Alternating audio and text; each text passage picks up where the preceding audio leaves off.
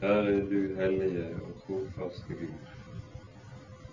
Takk at vi på ny skal få lov til å komme sammen i ditt navn. Komme sammen for å høre deg, og om mulig få et glimt inn i ditt ord.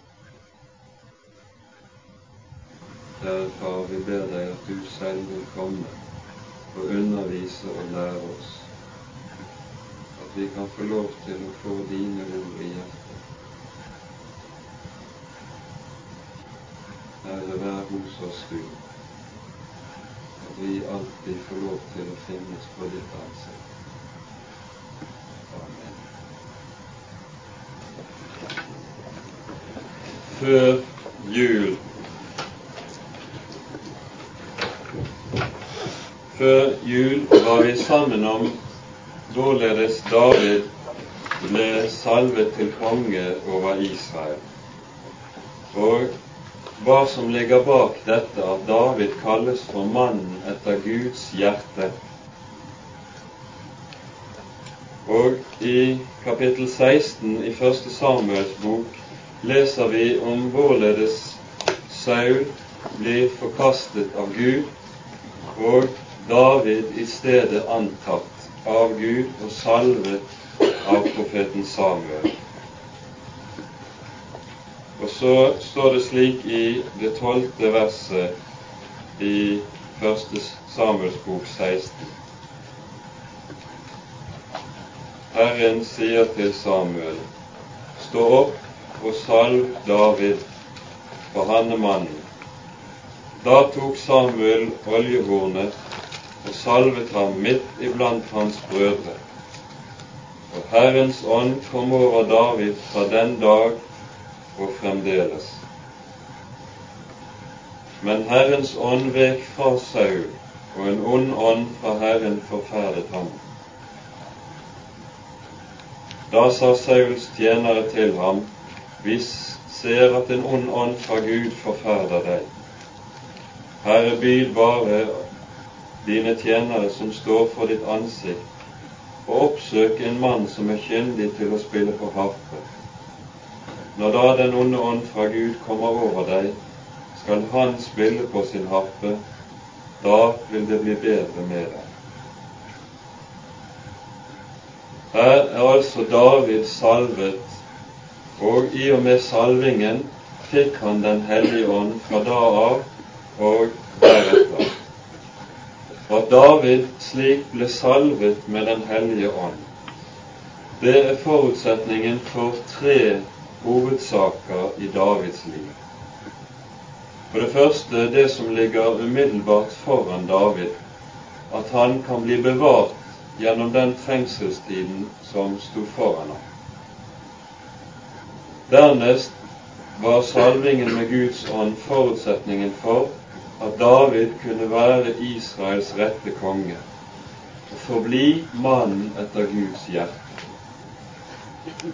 Og for det tredje var salvingen med Den hellige ånd forutsetningen for at David kunne bli Israels livlige sanger, som han kalles for i Det gamle testamentet.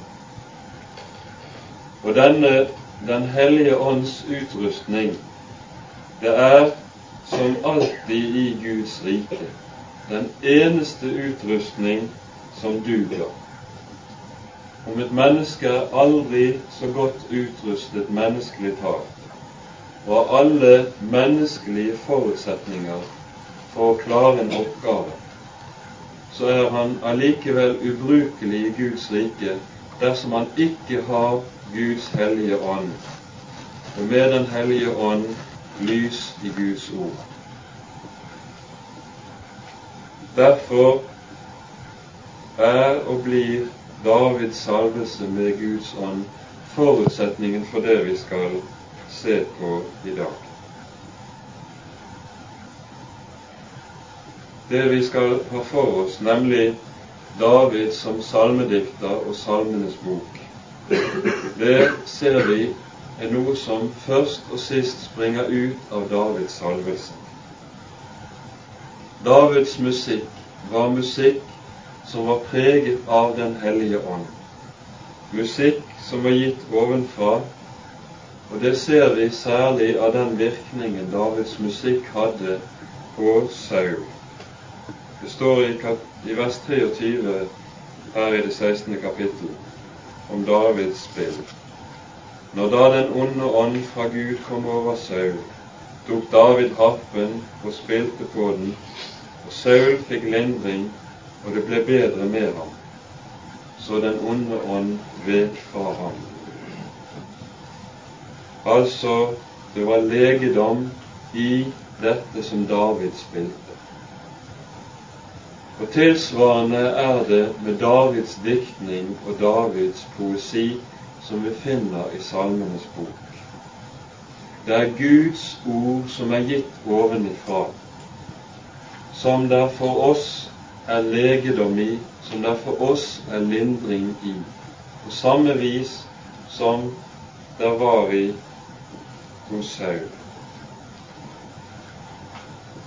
Enten disse Davids bønner som vi har i Salmenes bok, er nødsbønner, eller det er takk, det er lovprisning, eller det er tilbedelse.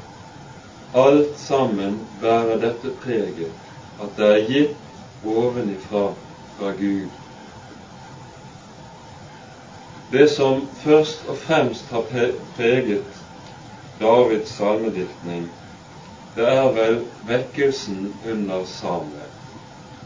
Denne vekkelsen har satt dype spor i hele Israels liv på denne tiden, i Davids familie og ganske særlig i Davids eget sinn. Og Vi leser jo senere i Samuelsbøkene om hvorledes David var sammen med Samuel og nok rikelig ble preget av Ånden hos Samuel. Men det var ikke bare slik at denne ånden under Samuel var det som preget David. Det gikk også den motsatte veien. At Davids salmer var med å befordre vekkelsen under Samuel fordi på en måte Guds ord ble sunget inn i Israels hjerter, på samme måten som reformasjonen ble sunget inn i europeernes hjerter gjennom Luthers salmer på 1500-tallet. Det var vel først og fremst disse salmene som bevirket at reformasjonen fikk en sånn veldig dybdevirkning i folkelivet. Og Slik var det også på denne tiden, på denne perioden i Guds rikes historie. Dernest må vi vel også si at Davids salmer bærer preg av Davids personlighet.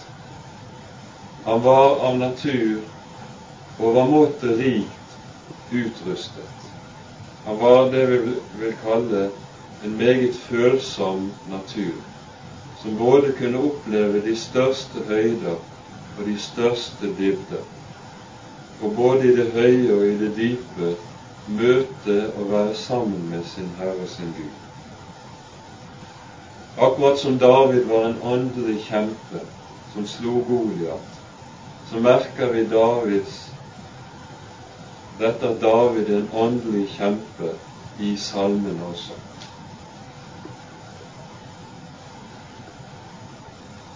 Den tredje faktoren vi også må ta med oss, er, og som har preget Davids salmediktning, er Davids eget liv. Davids liv spenner jo utrolig vidt. Først var han i sitt liv en hyrde, og det var år i stillhet ute på markene. Så kommer årene hvor han ble forfulgt av kong Saul. Ti år i dyp nød og i hård trengsel, hvor David vel var så dypt og langt nede som noe menneske overhodet kan komme. Så kommer årene som Israels konge. Det blir år hvor han faller i synd, og faller utrolig dypt, og vi ser det gjenspeiler seg i Salmenes bok. Og til sist alderdommens år, hvor han står foran døden. Alt dette gjenspeiler seg i Salmenes bok. Det er akkurat som spennvidden i Davids liv gir spennvidden i Salmenes bok. Og dette fører til at det vi har i Salmenes bok, det er bønner som er preget av erfaringen i livet med Gud. Det er ikke bare tomme ord og pene ord og åndelige ord som er liksom formet ut fra fromme ønsker. Nei, det er ord som har erfaringens tyngde og vekt. I alle disse periodene i sitt liv erfarte David hva det vil si å vandre med Gud, både i gode dager og i onde dager. Og vi kan vel si det at det samme gjaldt om David som Paulus skriver om seg selv i Filipperbrevets fjerde kapittel. At han har lært å nøye seg med det han har, enten han er i rikdom og i overflod, eller han er i fattigdom og i trengsel. I alt setter han sin sak i Guds hånd. Og nøyaktig det samme ser vi gjelder hele veien gjennom, gjennom Salmenes bok. Det er ikke ett ord som er uten dekning. Det er ikke ett ord som er tomt.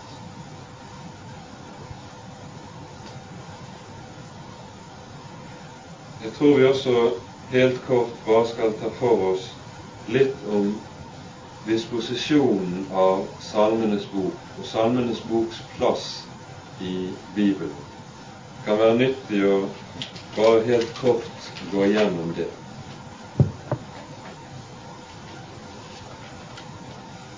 Perioden under kong David og Salomo, det er den perioden vi kan si er den andre store litteraturperioden i Israels historie, i Det gamle testamentets historie. Den første perioden er i Moses og i Josuas dager. Vi har ingen av skriftprofetenes skrifter før vi kommer til 300 år senere, i Isaias tid. Da kommer de første skriftprofeter. Fra Davids og Salmos tid har vi for det første Salmenes bok, eller deler, hoveddelen og grunnstammen av Salmenes bok. Dernest har vi det vi kan kalle for visdomslitteraturen i Det gamle testamentet, der vi har ordspråksboken og Jobbs bok. Og til sist har vi også Høysangen, som også er skrevet i denne perioden. Og dette var en blomstringstid i Israel på enhver måte. Tidligere i Det gamle testamentet har vi svært lite av det vi kan kalle for religiøs poesi. Vi har enkelte kapitler i Mosebøkene. F.eks. Moses og Israel sang ved utgangen av Egypt. Moses sang før sin død, og Hannas lovsang når hun overgir Samuel til tempelet. Dette er liksom spirene, men på Davids tid slår alt ut i full blomst. Salmenes bok er i jødisk tradisjon delt i fem hoveddeler. Og disse fem hoveddelene er gitt oss etter mønster av de fem Mosebøkene. Dersom dere er interessert å notere det, så kan dere godt få de fem hoveddelene. Salme 1 til 41 er første hovedgruppen. Salme 42 til 72 er andre hovedgruppe. Disse to hovedgruppene regner man med etter tradisjonen ble samlet under kong Salomo, og de består hovedsakelig av Davids egne salmer. Dernest har vi den, andre, den tredje hovedgruppen, unnskyld, salme 73 til 89. Denne hovedgruppen av salmer ble antagelig samlet under kong Esekias 300 år senere. Og så har vi de to siste hovedgruppene av salmer, salme 90 til 106 som den fjerde, og salme 107 til salme 150 som den femte hovedgruppen.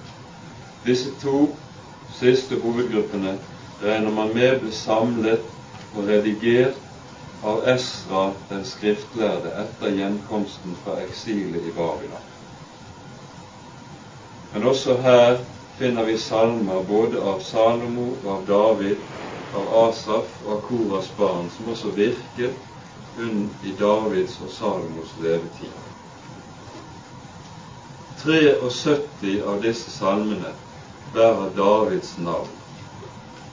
To Salomos navn, og så har vi i tillegg en del andre som bærer navn av Asaf og Koras barn, som var sangere i tempelet.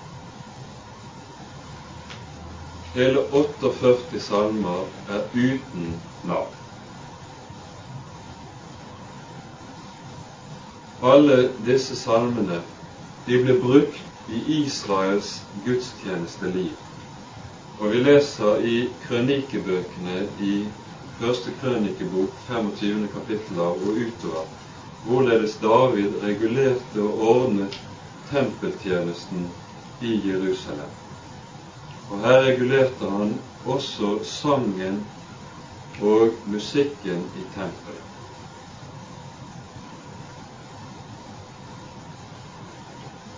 I denne lovsangstjeneste i tempelet hadde salmene en helt grunnleggende betydning, og dette kom til å prege Israels åndelige liv videre. La dette helt kort bare være sagt om hvorledes det hele er plassert. Men nå skal vi gå litt mer inn på det som er vårt og skal være vårt forhold til Salmenes bok. Det er svært mange kristne i dag som har et veldig tilfeldig forhold til Salmenes bok. Man plukker seg ut en og annen yndlingssalme med gode ord som man leser, og så hopper man liksom over de øvrige. Fordi de får man mer eller mindre og helst lite ut av. Det er ikke rett å stå i et slikt forhold, verken til Salmenes bok eller til Det gamle testamentet for øvrig. Vi skal stå i det forhold til Salmenes bok som Det nye testamentet lærer oss, og som vi ser de første kristne hadde. Ja, da kan vi spørre oss hvor finner vi da i Det nye testamentet noe om hvorledes de første kristne brukte salmene? Vi skal gå inn på og se litt på noe av dette. Vi slår da opp i Kolosserbrevets tredje kapittel og i Efeserbrevets femte kapittel. Da leser vi først Efeserne 5, vers 18, 19 og 20.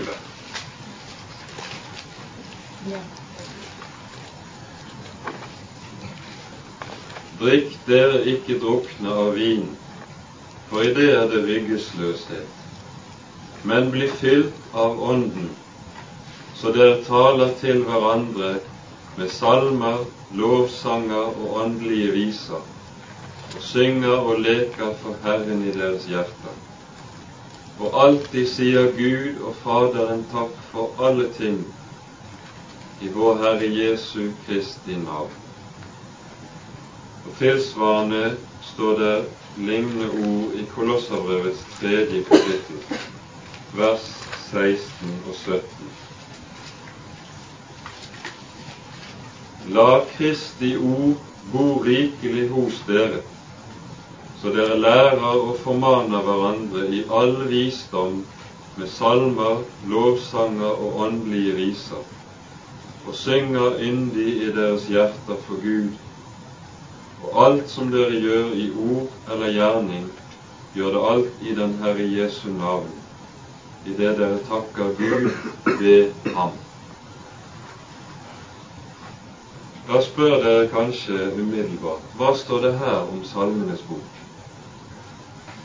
Her skal vi merke oss disse tre betegnelsene som er brukt både i Efesene 5.19 og Kolossene 3.16. De refererer seg til Salmenes bok. Salmer, lovsanger og åndelige viser. Disse tre betegnelsene de er overskrifter i Salmenes bok i den greske oversettelsen som de første kristne brukte. Det er altså ikke tale om landstand. Det er ikke tale om sangboken eller andre fromme viser som vi dikter. Men det taler om de første kristnes bruk av Salmenes bok. Og legg merke til dette som sies her. Det er Kristi ord Paulus kaller Salmenes bok for Kristi ord, slik det står i, i Kolossene 3,16. Det er altså ikke Davids ord. Det er altså ikke Salomos ord. Men det er Kristi ord talt igjennom disse menn. Og det har vi en forunderlig nedslag av i, år, i de hebraiske overskriftene til Salmenes bok, der det i vår bibel står oversatt i overskriften 'En salme av David'. Der står det egentlig i grunnteksten 'En salme til David'. Altså den salme som Gud har gitt David, som er talt ved Den hellige ånd igjennom ham det er Kristi ord som lyder i disse salmer. Og legg merke også til det som sto i Fesane 5. Det sto hvorledes de første kristne skulle bli fylt av Ånden. Hvorledes skulle det skje? Jo, i det de talte til hverandre i salmer, lovsanger og åndelige viser. Altså ved bruken av Salmenes bok er det knyttet til løftet, nemlig gjennom det skal man fylles av Den hellige ånd. Og da faller det kanskje lys over en annen formulering som brukes ofte i eller flere ganger i Det nye testamentet. Det tales om bønn i Ånden. Dette refererer seg først og fremst til bruken av salmene. Og de første kristne brukte salmene ofte og regelmessig, og de kunne Salmenes bok utenat. Det er mer enn vi kan i dag. F.eks. når det står i apostelgjerningene 2.42, hvor vi har de fire b-ene de holdt trolig fast ved apostlenes lære, ved bønnene, ved brødsbrytelsen og ved brorskapet. Så legg merke til der at det står 'bønnene' i bestemt form. Det refereres nemlig til bestemte bønner. Hvilke da? Jo, Salmenes bok. Det var dem de holdt fast på. Det var dem de brukte. Det var dem de kom tilbake til. Og Dette har vi et forunderlig vitnesbyrd om i apostelgjerningenes fjerde kapittel.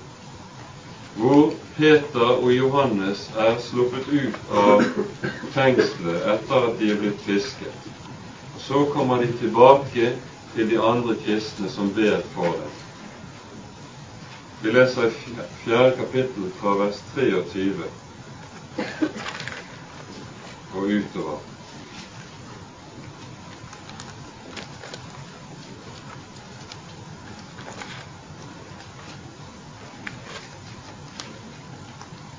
Da de nu var løslatt, kom de til sine egne og fortalte dem alt det ypperstepresten og de eldste hadde sagt til dem.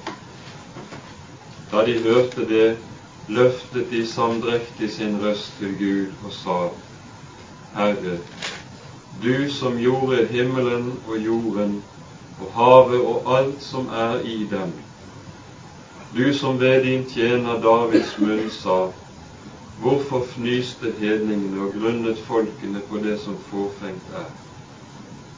Jordens konger steg frem, høvdingene samlet seg sammen mot Herren og mot Hans salvede. Ja, i sannhet, i denne by samlet de seg mot din hellige tjener Jesus, som du salvet. Både Herodes, Pontius Pilatus, med hedningene og Israels folk. for å gjøre det som din, din hånd og ditt råd forut hadde besluttet skulle skje. Og nå, Herre, hold øye med deres trusler, og gi dine tjenere tale ditt ord med all frimodighet. Idet du rekker ut din hånd til helbredelse, til tegn og undergjerninger ved din hellige tjener Jesu navn. Og da de hadde bedt, skalv det sted hvor de var samlet. Og de ble alle fylt med Den hellige ånd, og de talte Guds ord med frimodighet. Hva er det disse ber, disse første kristne, når de fylles av Ånden? De ber ikke med egne ord som de finner på selv. De ber med ord som de alle selv kunne utenat ifra Salmenes bok. Når Den hellige ånd kommer, og de samdrektig folder hendene, så bruker Den hellige ånd de ord som ligger nedlagt i deres hjerter, som de kjenner. Og så er det dem de taler. Og ved det, dette ord fylles de enn mer av Ånden, slik Paulus skrev. Siden skriver kirkefaderen Hieronymus om hvorledes det både var et grunnkrav at ingen kunne bli prest eller presbyter uten å kunne Salmenes bok utenat, og hvorledes de kunne høre de kristne sang Salmenes bok mens de gikk og pløyet blant plogene eller drev sitt håndverk i bodene. Overalt lød Salmenes boks. Og de hadde samme forhold til Salmenes bok som vi har til Fader vår. Hos oss er det liksom en forestilling om at det er uåndelig å be med faste ord. Dersom man ikke har faste ord eller faste former, da er liksom det mye mer åndelig, for da skal liksom Ånden få fritt spillerom, som det heter. Dette er jo ideologien, så å si, både på bedehus og i nyere åndelige bevegelser. Men dette er en tilsnikelse. For det vi ser i Det nye testamentet, er nettopp at det motsatte er tilfellet at Den hellige ånd, når Han kommer, så kommer Han med Guds ord, og han bruker Guds ord som ligger i de første kristnes hjerte. Det er ikke slik at faste ordninger er uåndelige og setter stengsler for Den hellige ånd. Tvert om. I den grad vi kan og kjenner og bruker Salmenes bok, i den grad kommer Guds ånd mer og mer til orde. Og dessverre, og det ser vi svært ofte, at det er ikke slik at de manglende former og de manglende liturgi fører til at Den hellige ånd kommer til orde. Ofte fører det heller til at kjødet blir det som kommer til orde, og den kjødelige religiøsitet. Og vi ser ofte at der hvor det ingen ytre former er, hvor det intet ytre ord er, så skjer det at det hele liksom blir avhengig av visse personers eller lederes åndelige genius og inspirasjon. Og Den dagen det genius og den inspirasjonen mangler, så faller det hele dødt til jorden. Fordi det, det hele står og faller med personenes inspirasjon, i stedet for at det hele skal stå og falle med at Guds ord lever og blir brukt i bønnelivet.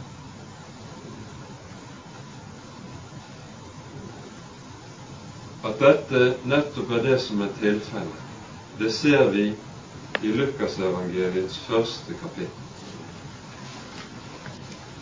Der i dette kapittelet har vi to lovsanger som knapt har sin like i vår bibel. Vi har Marias lovsang, og vi har Sakarias lovsang. Lukas evangeliets første kapittel.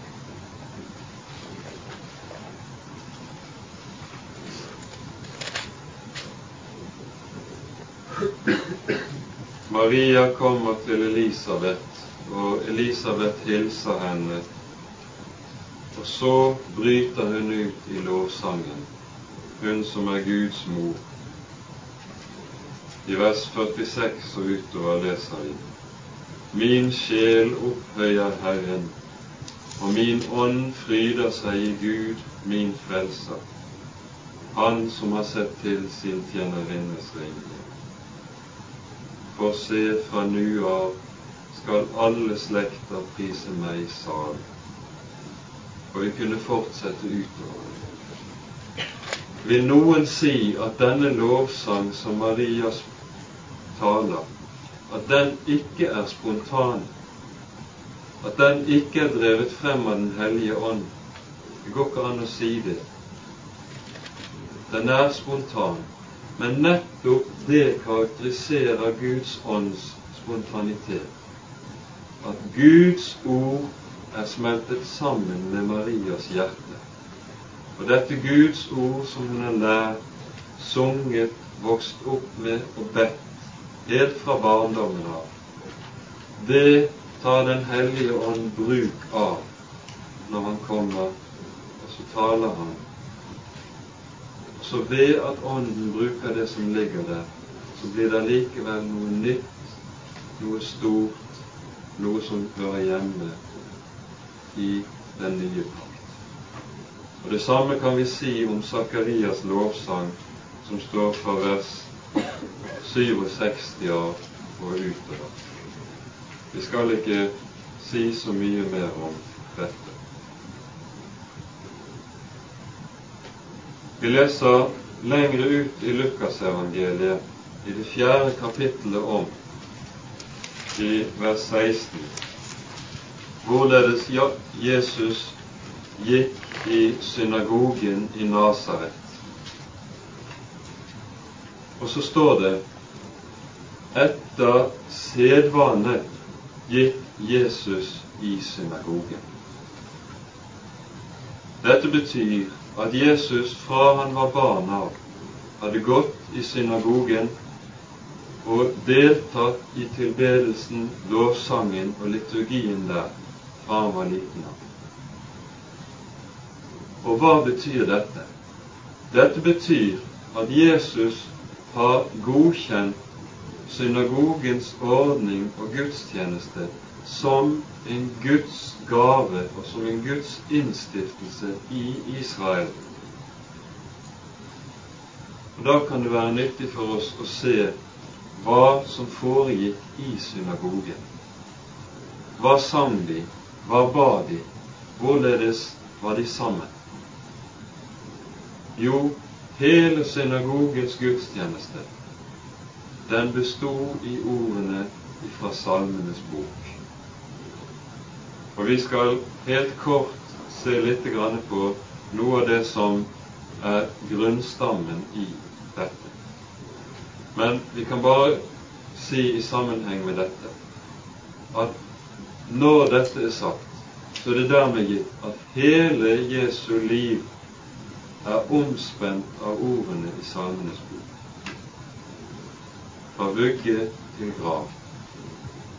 Og en rekke av de ordene Jesus taler på korset, de er nettopp hentet fra Salmenes bok.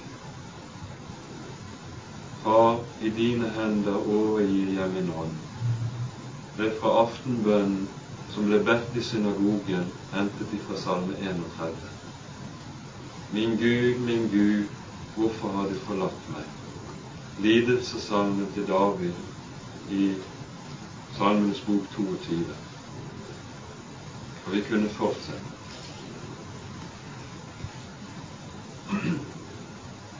Hva var det nå de ba i synagogen? For det første hadde de sin faste morgenbønn. I denne morgenbønnen ba de fast fem salmer hver morgen. Og disse første fem salmene kunne og brukte også de første kristne. Disse salmene var 145, 46, 47, 48, 49 og 45. Og hadde man ikke tid eller anledning til å be alle disse, så ba man i hvert fall salme 145, som liksom salm, samler alle de andre i seg som i en søvn.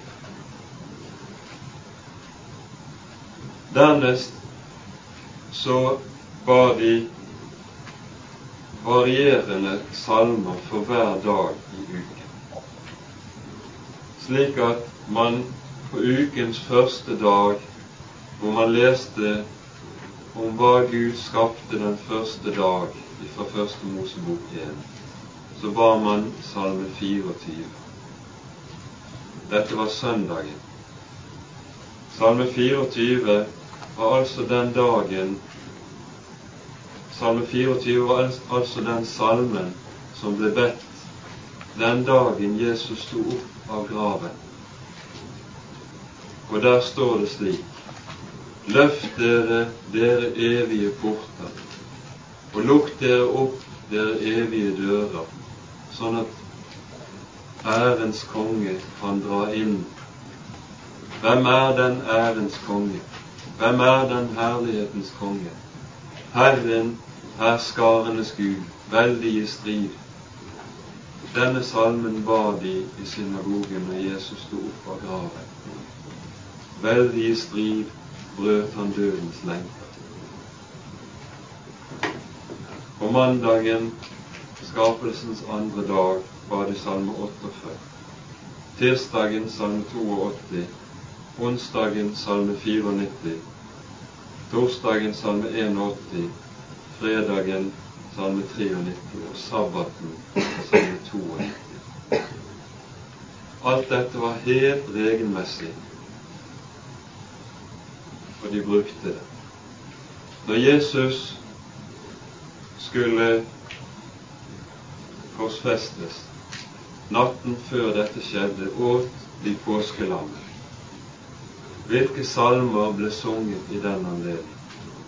Jo, de salmene som ble kalt for det store hallel.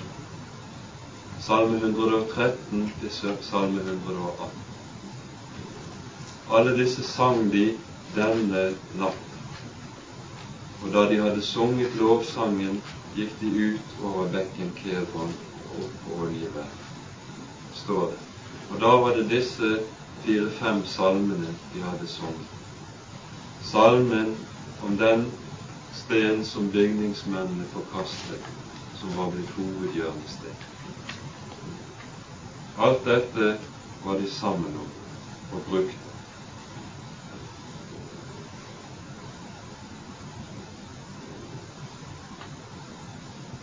Hva er nå det vi kan lære av dette? Jo, nemlig det at det viktigste når vi skal lære å be, det er å bruke Guds ord i bønnen. Bønn er ikke mest åndelig når jeg ber med egne ord. Bønn er noe vi må lære av Han som er Herre og Gud. Derfor kom også disiplene til Jesus og sa:" Lær oss å be. For bønn er ikke noe som kommer fra vårt eget hjerte uten videre. Det er noe vi lærer i samvær med Han som er Herre. Akkurat på samme måte som et barn lærer å snakke. Hvorledes lærer det å snakke? Jo, ved å høre mor og far tale. Slik lærer vi å be gjennom å høre Guds ord, høre Gud tale. Og Hans ord og Hans tale til oss er alltid det første i all bønn.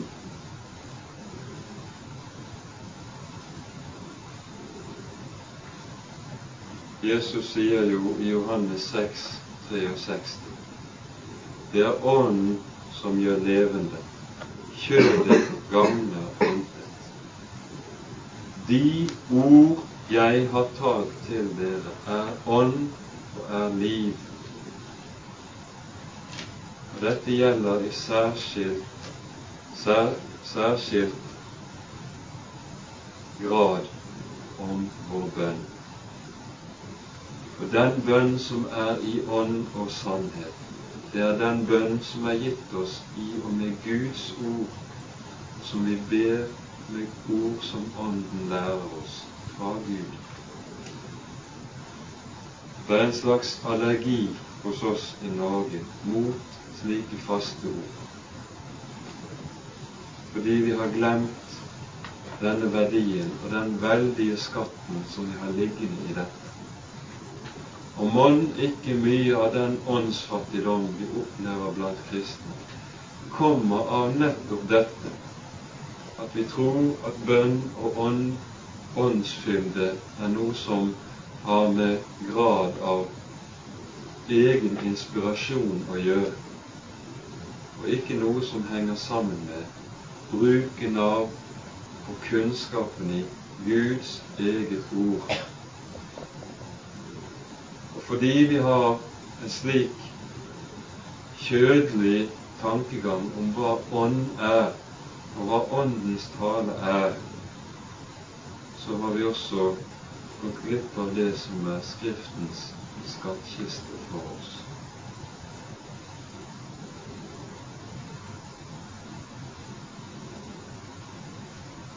Vi kan også spørre litt om hvorledes er formen i bønnen i Salmenes bok.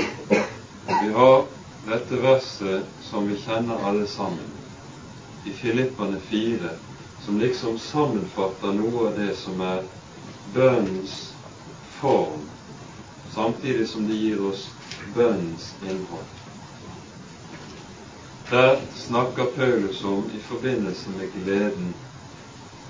Så sier han i forlengelsen av det.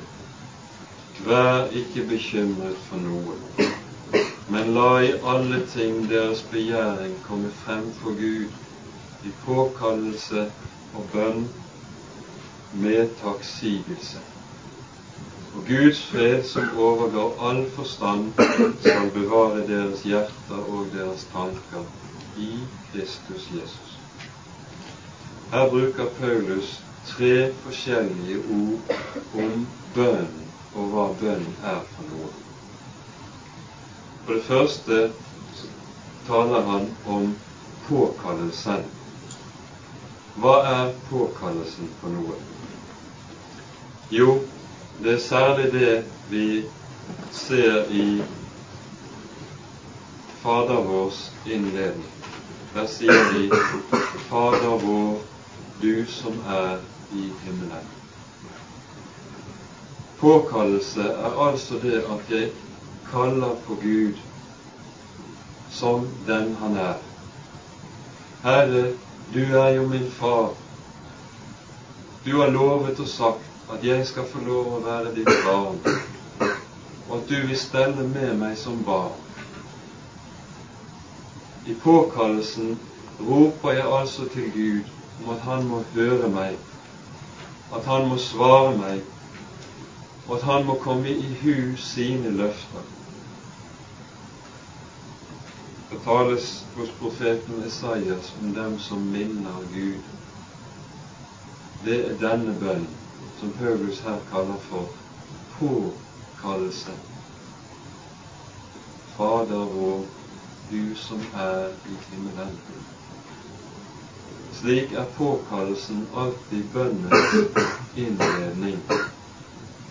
Og denne påkallelsen kan veldig ofte gå over i takksigelse og lovsang også. Du er jo Gud som har frelst meg. Hold meg også oppe. Og denne, denne takken i påkallelsen, den har vi nedslag av i Det nye testamentet, hvor det er tale om god bønn.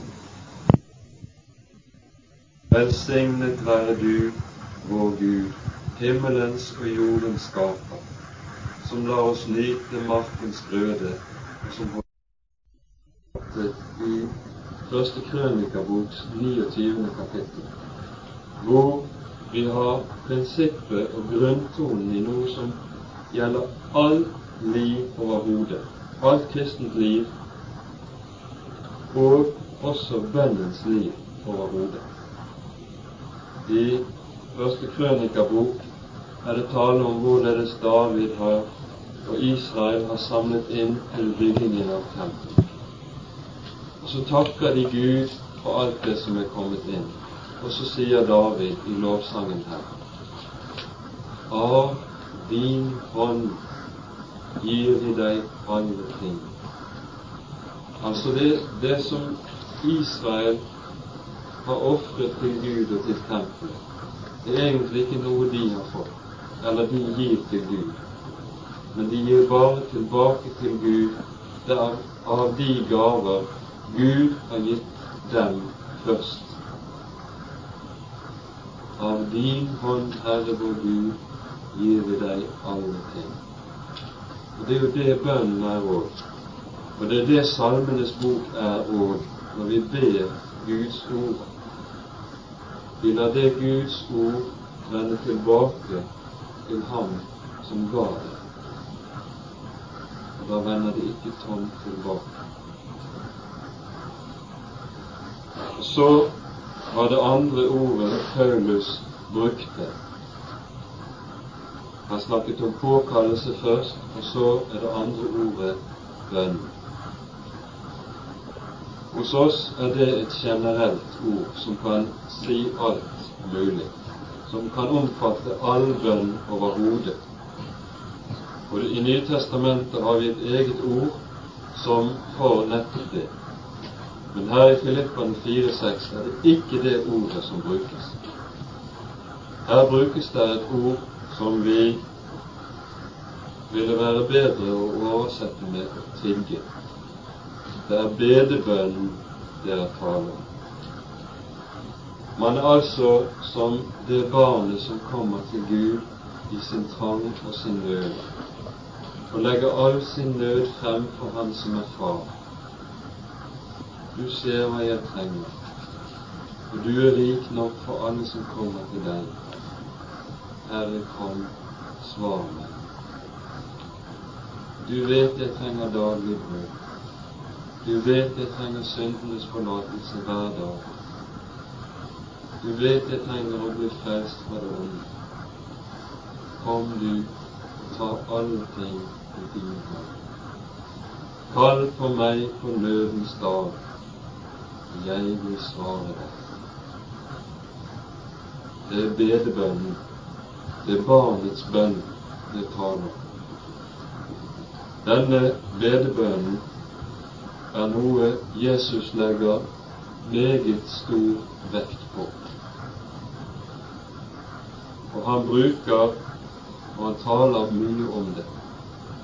I bergprekenen hvor han vil ha disse kjente ordene Be, så skal dere få. Der er det nettopp dette ordet for å tigge som brukes om bønn. Og Jesus setter det som den største bønn. Likeså i Johannes 16, 23, hvor han sier Hittil har dere ikke bedt om noe i mitt navn. Egentlig står det hittil har dere ikke tigget om noe i mitt navn. Fariseerne rangerte denne tiggebønnen, denne bedebønnen, som den laveste av alle bønner. Det var meget, meget større, mente de, å skulle liksom være uselvisk i bønnen og be for andre og lovsynge Gud. Og det er stort, ikke det. Men Jesus setter bedebønnen, det å få være det fattige lille barnet som tigger. Han setter det blant de fremste av alle bønner, nettopp fordi at barnekåret er det som veier størst, veier tyngst, er det største i alt som har med Guds rike å gjøre. Og det er denne bønnens ånd Paulus også taler om, som er Den hellige ånd, og som er gitt til de kristne. Dere har jo ikke lenger trelldommens ånd, men dere har fått barnekårets ånd, som roper 'Abba, Far'. Det er bønnens ånd. Den bønn som er nådens ånd samtidig. I Sakarias 12,10 er det tale om bønnens ånd. Og der sies det i Guds løfte om de siste dager I de dager vil jeg utgi det nådens ånd og bønnens ånd over Judas hus og Jerusalems innbyggere, og de skal se opp til ham som de har gjennomstått. Og vi skal merke oss at i Det nye testamentet går disse to ting hånd i hånd og er uatskillelige. Det finnes ingen bønnens ånd atskilt fra nådens ånd. For nådens ånd har det ene karakteristikum at det er barn hos far og ikke trell. Det har det karakteristikum at den ser opp til Han som er gjennomstående. Roper på Hans navn. Så står det i Salme 34 De så opp til ham og strålte og glede. Deres åsyn ble mot all deres stand. Det er denne bønnens ånd, bedebønnen, barnets bønn. Så har vi takksigelsen til slutt som Paulus taler om. Lovsangen som Salmenes bok ånder av gjennom alle ting. Jeg vil lovsynge Herren til enhver tid, sier David i Salme 34. Og Hans pris skal alltid være i min munn. Til enhver tid. Det betyr i gode og onde dager. Gled dere i Herren alltid, sier jo Paulus nettopp i denne sammenheng. Alltid betyr til enhver tid. Ja, betyr det at en kristen alltid skal være glad? da? Nei. En kristen kan godt sørge, han kan godt gråte, men han synger lovsang i gråt. For den gleden en kristen har, den er i Herren. Han vet at motgangen, han vet at nøden, han vet at trengselen aldri er tegn på at Gud har forlatt eller forkastet ham. Nei, det fars stell med oppdragelse med sitt barn. Og det fars kjærlighet, og den Herren elsker, den tukter han. Så skal han få lov til å takke, også under motgang, også under trengsel til enhver tid ber han slik. Slik ånder Salmenes bok av alt dette. Det vi kan si er det som sammenfatter Salmenes bok, er først og fremst at Salmenes bok bringer meg frem ansikt til ansikt med Gud. Når jeg ber salmene, har jeg med Gud å gjøre. Og jeg har med Guds egen gjerning å gjøre. Det er helt forunderlig hvor lite det er i Salmenes bok av bønn om hjelp til at vi skal gjøre tusen gjerninger for Gud. Se etter og les hvorledes de ber. De ber jo aldri sånn som vi ber. Hos oss er veldig mye av bønnene fylt av alt vi skal gjøre, og at Gud skal hjelpe oss til ditt og til datt. Så ligger det snublende nær at det blir omvendt. At det egentlig blir vi som blir de som hjelper Gud med ditt og datt. I Salmenes bok er det aldri vår gjerning, det er Guds. Når jeg kommer frem for ham og ber, så ber jeg, kom du og gjør din gjerning. Kom du og ta saken ut av mine hender og den i din hånd, for at din vilje må skje. Og når Gud har gjort sin gjerning, jeg ser og jeg aner det, så lover og priser og takker man for Han er der. Ja, man faller ned på sitt ansikt, tilber. Ordet tilbedelse som brukes i salmene, det betyr etter grunnteksten egentlig å falle på sitt ansikt for ham. Salmenes bok har vi kompendiet konsentratet av alt som er Bibelens ord og budskap. Alt er samlet her. Luther sier et sted at i Salmenes bok leser vi om alt Guds barns nød og sorg. Og vi kan lese de kristne inn i hjertet i Salmenes bok. Men jeg tror vi også kan si like godt i Salmenes bok kan vi se Gud inn i hjertet og se Guds hjerte. For dermed sammenfattes de to ting som er karakteristiske for all Guds ord overhodet. Det guddommelige og det menneskelige smelter sammen i en enhet. Når Guds sønn kom, var han Gud han være menneske i én og samme person. I Bibelen har vi Guds ord og menneskers ord smeltet sammen til en fullkommen enhet. Uatskillelig forbundet og forent. I Salmenes bok ser vi dette skje. Guds hjerte og den bedende Guds barns hjerte når inntil hverandre her.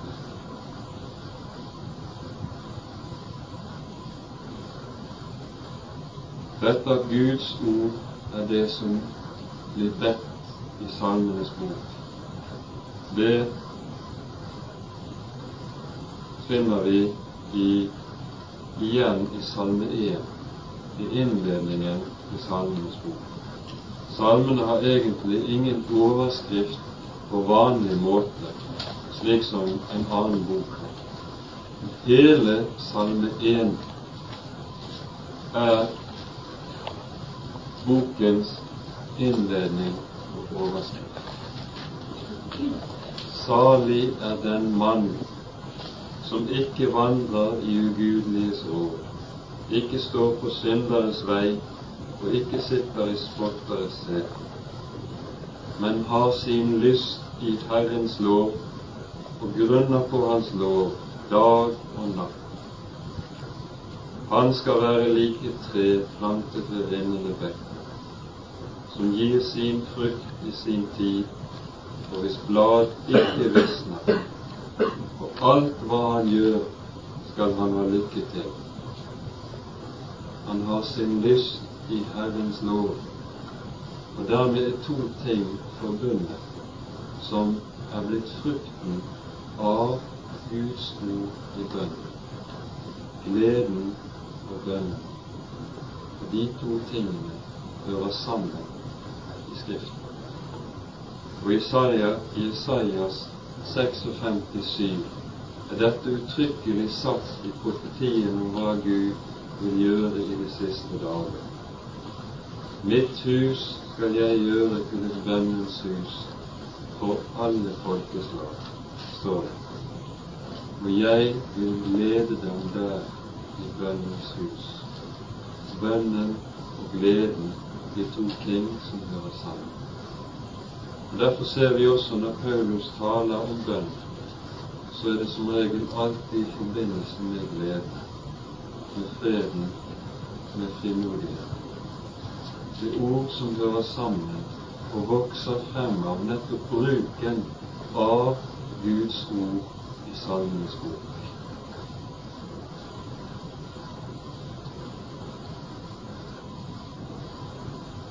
Jeg tror at vi nå nærmer oss slutten og kanskje skal stanse her.